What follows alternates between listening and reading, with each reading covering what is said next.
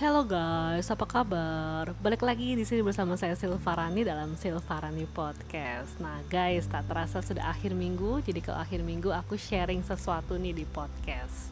Kali ini apa nih kira-kira bahasannya? Kali ini lagi-lagi aku akan bahas tentang analisis lirik lagu. Biasanya kalau sebelum-sebelumnya aku kasih nama pena nada. Sekarang episode ketiga berarti ya.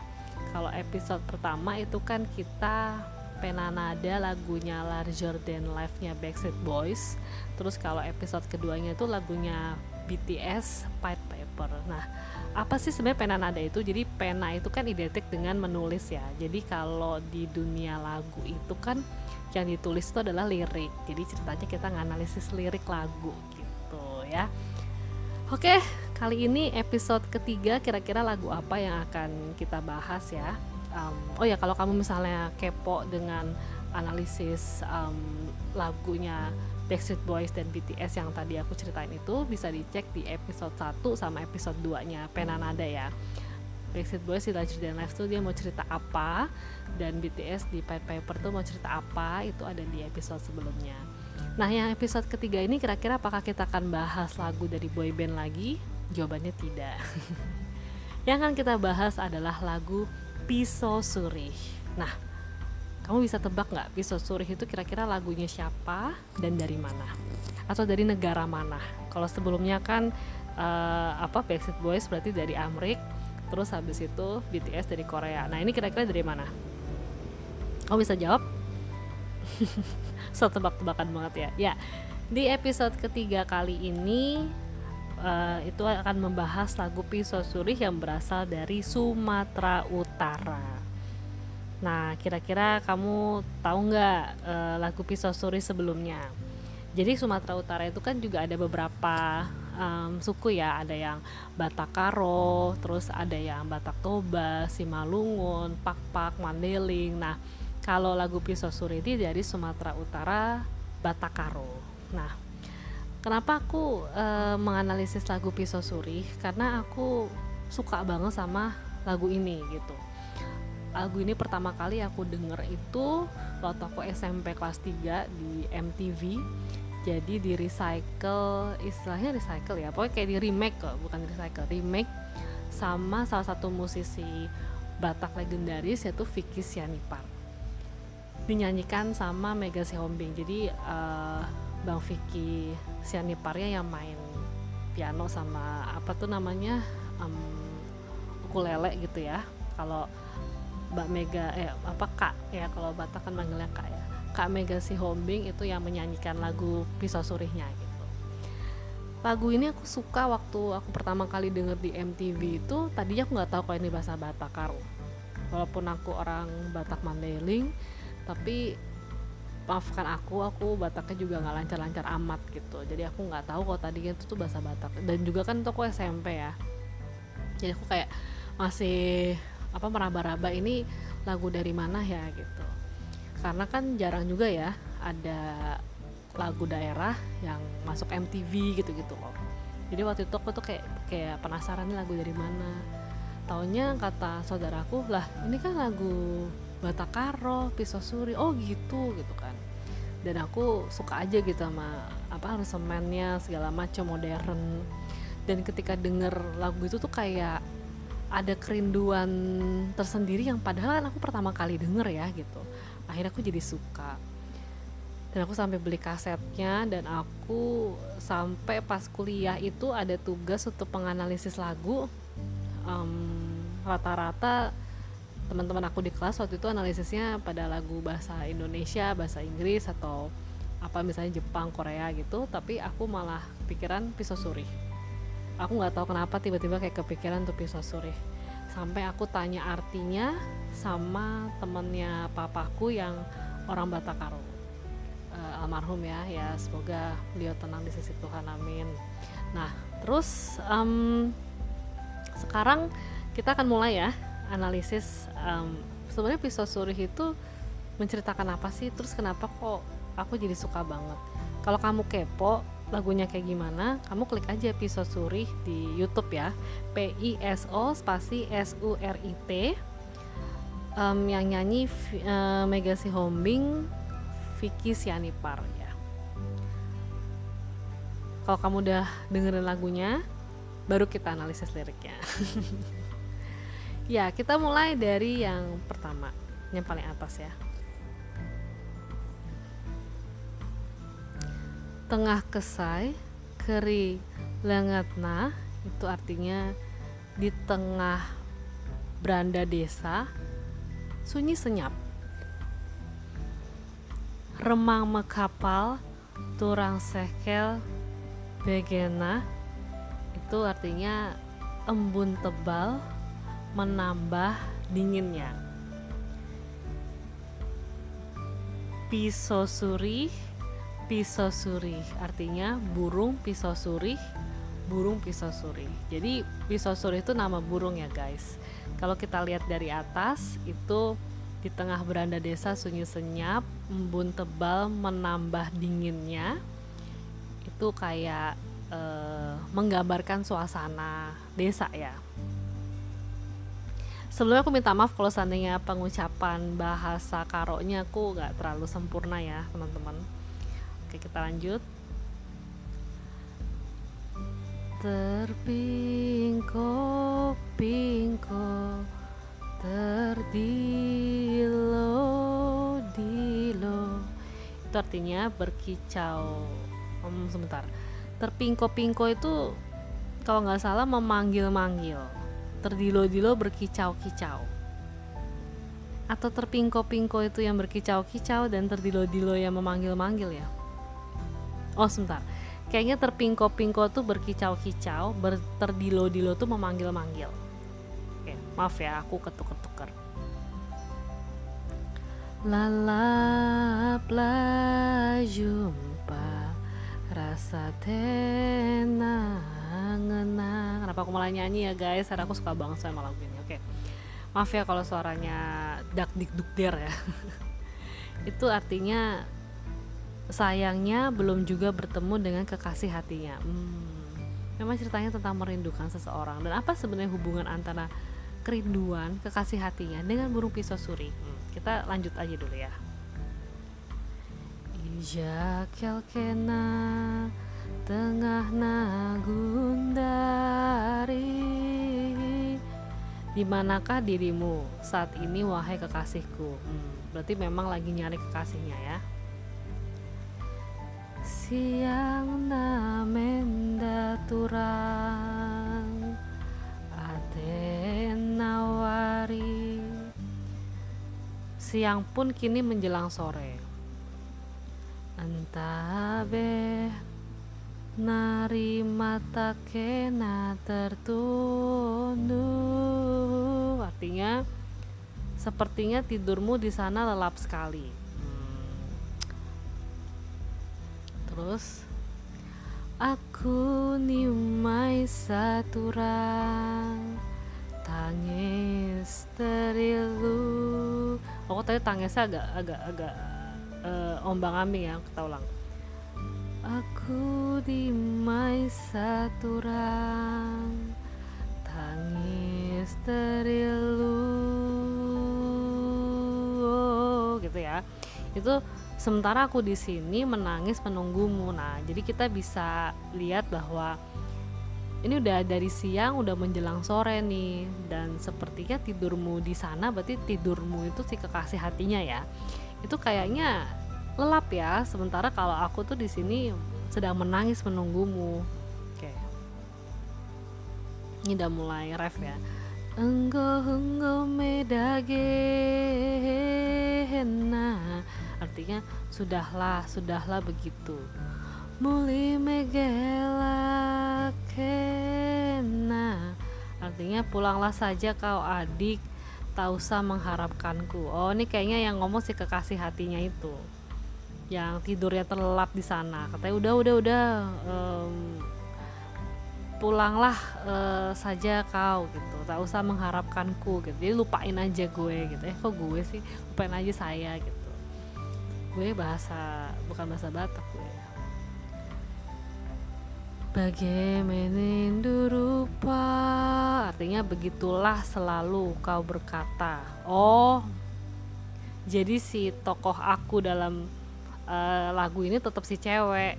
Cuman berarti yang kata-kata enggo enggo medagena mulih megalah kena itu dia kayak lagi memperagakan ketika si kekasih hatinya itu aku ngeliatnya cowok ya kasih hatinya. Sementara si tokoh akunya ini cewek. Itu kayak ngomong udahlah nggak usah gitu. Um, kau pulang aja lah dik tak usah mengharapkanku gitu. Aryo Turang oh kekasihku ya ya sebenarnya liriknya sampai sini aja. Berarti ceritanya tuh gini guys. Burung pisau suri itu sebenarnya katanya adalah burung bukan burung magis sih. Cuman kayak ada sesuatu yang menarik dari burung pisau suri itu. Dan burung pisau suri itu tuh berkicau itu membuat si tokoh aku dalam cerita lagu ini tuh teringat dengan kekasihnya teringat dengan kampung halaman saat dia bersama si kekasih gitu ya. Dan dia tuh pokoknya rindulah. Pernah dia susul si sang kekasih yang sedang merantau itu tapi kata kasihnya bilang udah kamu pulang aja. Kamu lupain aku aja lah gitu. Eh, nggak uh, usah mengharapkan aku gitu.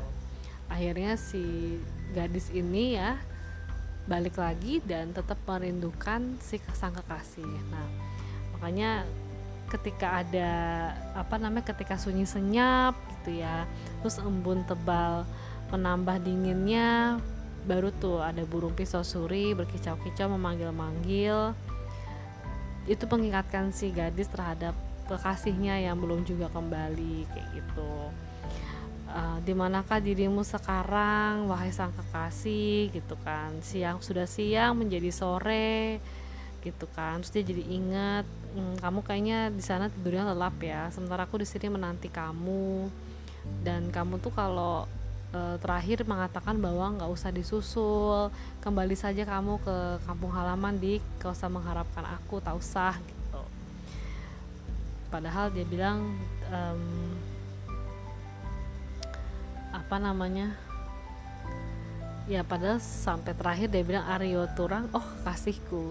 Jadi kayak si cewek ini masih menganggap bahwa si cowok itu adalah tetap kekasihnya. Um, aku gara-gara suka sama lagu Pisau Suri ini ya aku sampai bikin cerita cerita di apa namanya di Wattpad aku tulis yang terinspirasi dari lagu ini sebenarnya hanya terinspirasi sih. Jadi bukan kayak uh, lagu ini akhirnya aku maknain dalam sebuah novel gitu tuh enggak gitu. Tapi kayak terinspirasi akhirnya aku bikin cerita di Wattpad lah ya. Ya kalau seandainya lancar dan oke okay sih mudah-mudahan jadi novel bisa jadi gitu ya insya Allah. Cuman um, ini aku kayak apa ya rasa suka aku terhadap budaya Batak dan uh, lagu ini itu kayak tercurahkan um, ke dalam sebuah karya yaitu novel. Judulnya Pariban Sang Pisau Suri gitu ya. Jadi aku di situ bercerita tentang seorang gadis yang sebenarnya paribannya dia itu akhirnya dia nggak nikah sama paribannya kalau kamu misalnya bingung pariban itu apa jadi gini di budaya Batak itu ada pariban. Jadi setiap uh, orang itu punya pariban itu adalah jodohnya. Itu biasanya masih saudara sih. Misalnya sepupunya siapa gitu-gitu. Dan uh, aku sendiri pariban aku tuh sepupu aku sendiri. Dan bukan dan akhirnya juga nggak jodoh gitu. Maksudnya dia sama aku ya nggak ada rasa apa-apa gitu. Dan zaman dulu sih pariban itu harus uh, diharuskan untuk menikah gitu tapi kalau udah sekarang zaman sekarang ya itu kan tergantung dari perasaan cinta masing-masing orang gitu ya. Nah di cerita aku itu si cewek ini paribannya juga uh, sepupunya sendiri dan nyatanya nggak ada apa-apa gitu di antara mereka gitu. Tapi waktu mereka kecil ya kayak diojok-ojok gitu cuman namanya dua-duanya nggak saling suka kayak oh ya udah kalau emang nggak suka nggak apa-apa. Nah akhirnya si cewek ini punya apa ya ibaratnya di desa lain itu desa Sumatera Utara yang lain itu ada cowok yang ibaratnya tuh mendekati sempurna di mata orang-orang gitu. Kenapa aku bilang di mata orang-orang? Ya di mata orang-orang desa di situ tuh dia dianggap hampir sempurna. Tapi kan balik lagi yang diri kita tuh ada yang kita kasih lihat ke orang, ada yang nggak kita kasih lihat ke orang gitu kan. Nah kalau si cowok ini tuh di mata orang-orang desa sana tuh hampir sempurna. Akhirnya si cewek ini dijodohin lah sama si apa cowok hampir sempurna ini gitu ya dan cewek ini nurut-nurut aja gitu mau gitu tapi setelah mereka mau menikah gitu ya si paribannya nih cewek nih yang tadi apa yang sepupunya itu adalah salah satu orang yang mengurusi pernikahannya mereka gitu ya. Jadi kayak ngurusin pernikahannya mereka. Nah ketika dia mau menikah si cewek ini tuh sering denger uh, suara kicaunya burung pisau suri. Tapi dia tuh kadang-kadang suka mikir ini saya halu atau emang ada bunyi suara burung ya? Gitu. Dan kok kayaknya kalau denger suara itu tuh hatinya jadi nggak menentu gitu loh. Ada sedihnya ada bingungnya ada kayak marahnya. Terus dia kayak kayak suuzo apa kayak punya prasangka gitu si cewek ini dalam hati kayak ini cowok hampir sempurna ini nih jodoh saya bukan sih? gitu. Kok saya kayaknya burung pisau suri itu kayak ngasih tahu kalau kekasih hati saya yang sesungguhnya itu tuh bukan nih orang gitu dia kayak kayak berpikir kayak gitu gitu. Terus um, sepupunya dia yang laki itu yang pariban dia yang asli itu itu kan tinggalnya di Jakarta di ibu kota. Jadi waktu mau e, bikin pesta pernikahannya si cewek ini si cowok ini tuh si paribannya ini bawa teman-temannya bawa teman-temannya ada tiga lah gitu. Sama dia jadinya berempat. Nah suatu hari si tokoh utama ini si cewek ini yang mau nikah ini itu kayak mimpi. Mimpi dan di dalam mimpi itu tuh kayak ada yang ngasih tahu kalau jodoh kamu tuh beda pulau gitu. Jadi itu kayak meyakinkan kalau perantau pokoknya gitu. Perantau dari luar pulau. Kalau emang mimpi itu benar berarti jodoh aku bukan si cowok hampir sempurna ini dong gitu. Karena kan kalau cowok hampir sempurna ini kan sama-sama tinggal di Sumatera Utara gitu kan. Kayaknya masa sih gitu. Bukan dia nih jodoh aku siapa dong jodoh aku gitu gitu sampai akhirnya begitu si paribannya yang dari Jakarta itu dateng guys ada te ada temennya juga tiga jadi empat. Ternyata salah satu dari temennya itu. Gitu. Jadi kayak kayak si cewek ini jadi kayak ngerasa oh kok aku suka ya gitu dan nanti ada intrik-intriknya lah kasarnya gitu di sini juga si cewek ini kayak belajar gitu bahwa cinta yang tulus, cinta yang suci itu sebenarnya tidak terkonstruksi oleh apa pun. Jadi misalnya kayak seseorang dikonstruksikan dalam suatu lingkungan bahwa dia adalah laki-laki atau perempuan yang sempurna kasarnya gitu. Semua orang pada naksir sama dia gitu ya. Itu kan jadinya terkonstruksi tuh di otak kita kayak oh dia adalah orang yang perfect gitu, yang sempurna. Berarti kalau dia mau sama saya, orang-orang pada bilang sempurna pada bilang iyalah sama dia lah rugi kalau kamu nggak sama dia bla bla bla. Ini tuh keren banget dia tuh uh, pinter banget sempurna banget gitu gitu kalau saya nggak sama dia kayaknya saya yang aneh saya yang bodoh gitu. Itu jangan termakan. Sebenarnya aku pengen ngomong gitu sih di cerita ini gitu kayak pertanyakan lagi diri kamu gitu loh. Sebenarnya saya itu beneran suka nggak sih sama calon saya ini? Apa karena orang-orang pada mengkonstruksi cinta saya untuk udah sama dia aja dia hampir sempurna bla bla bla itu jadinya saya ke bawah aja gitu. Padahal kalau saya nanya sama hati saya sendiri saya nggak tahu nih cinta sama dia atau enggak aku bercerita seperti itu. Jadi kayak pariban sang pisau suri itu kayak sebenarnya pisau suri yang selalu tiba-tiba muncul di pikirannya si gadis ini nih itu kayak ngasih tahu gitu pariban dia yang sebenarnya tuh yang mana tapi apakah nanti sama salah satu di antara sahabatnya si sepupunya yang dari Jakarta itu juga jadi atau enggak? Atau nggak tetap akhirnya si cewek ini nikah sama si cowok hampir sempurna ini? Atau malah nanti dia nggak nikah sama siapa-siapa? Atau malah dia malah sama si sepupunya yang datang dari Jakarta itu yang pariban aslinya dia itu pokoknya masih misterius. Pokoknya masih aku tulis dalam apa ya dalam novel. Ini idenya gara-gara ini gara-gara aku suka sama lagu pisau suri itu tiba-tiba kayak bikin cerita bikin cerita kayak gitu. Ya mungkin itu aja sih yang bisa aku sharing tentang lagu pisau suri. Kalau insight yang aku dapat dari mendengarkan lagu ini memang banyak alasan orang uh, memutuskan untuk mengakhiri hubungan mereka mungkin yang cowoknya tuh yang dia bilang udah deh nggak usah inget-inget saya lagi lupakan saja saya. Itu mungkin dia di sana orang kalau negatif langsung langsung berpikirnya oh di sana ada cewek lain kali jadi dilupain gitu ya. Tapi sebenarnya nggak hanya itu aja sih faktornya banyak. Mungkin ada misalnya pas di tanah rantau itu ternyata pekerjaan dia atau karir dia atau apa tidak sesuai harapan. Jadi dia merasa terbebani atau merasa nggak enak ketika ada yang menunggu di sana yaitu ceweknya. Kasarnya kayak udah deh kamu kalau ketemu sama laki-laki yang lebih baik dari saya yang lebih bertanggung jawab lebih jelas masa depannya kamu sama dia aja. Udah lupain aja saya. Itu bisa juga. Atau nggak bisa juga kayak aduh kok saya udah senang ya di kota ini dan gak akan kembali lagi ke desa itu. Kalau seandainya kamu tetap mau di desa itu ya berarti kamu nggak sama saya gitu. Mungkin dia bisa bilang seperti itu si cowoknya. Sementara kalau ceweknya biasanya cewek kan pakai perasaan ya. Kalau cowok kan lebih pakai logika. Betul nggak sih kayak gitu?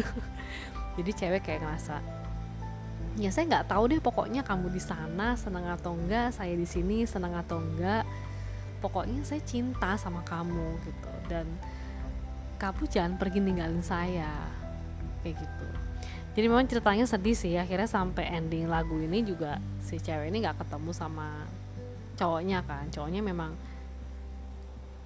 pergi dan entah ke mana. Hmm, kalau kayak gitu kira-kira cowoknya akan kembali lagi nggak ya ke ceweknya ya? Atau memang kayak ya udah saya pergi aja gitu di tanah rantau. Um, saya coba untuk hidup baru. Biasanya cewek tuh suka agak maksa ya maksudnya gini loh oh yaudah kalau gitu saya pindah deh ke kota itu gitu loh. Ya siapa tahu aja cowoknya malah kayak aduh kamu tuh nggak usah nyusul karena belum tentu juga kamu udah jauh-jauh nyusul saya akan pilih kamu juga gitu loh. Jadi kayak ini lagi kepikirannya nggak usah dulu deh gitu. Pisau Suri itu kayak ngasih cerita kayak gitu sih di lagunya. Oke kayaknya itu aja yang bisa aku bahas tentang lagu Pisau Suri atau mungkin bahas tentang um, ini ya apa namanya um, instrumennya ya. Kalau instrumennya sih memang rata-rata pada alat musik Sumatera Utara ya. Ada modernnya juga kayak piano gitu-gitu. Cuman yang lainnya itu adalah uh, alat tradisional alat musik tradisional dari Sumatera Utara jujur waktu aku dengerin lagu Vicky Sianipar ini aku tuh kayak berhayal mudah-mudahan ke depannya banyak banget musisi-musisi Indonesia yang kayak mengcombine antara lagu modern sama lagu daerah gitu loh. Lagu daerah itu juga nggak harus yang memang udah ada kayak pisau suri ini tapi kayak kalau mau buat sendiri mau ngarang sendiri gak apa-apa banget gitu. Jadi kesannya kayak kita jadi tahu lagu daerah yang baru juga tapi um, easy listening karena diramunya dengan cara modern kayak gitu sih. Yaudah kayaknya itu aja yang bisa aku bahas tentang pisau suri.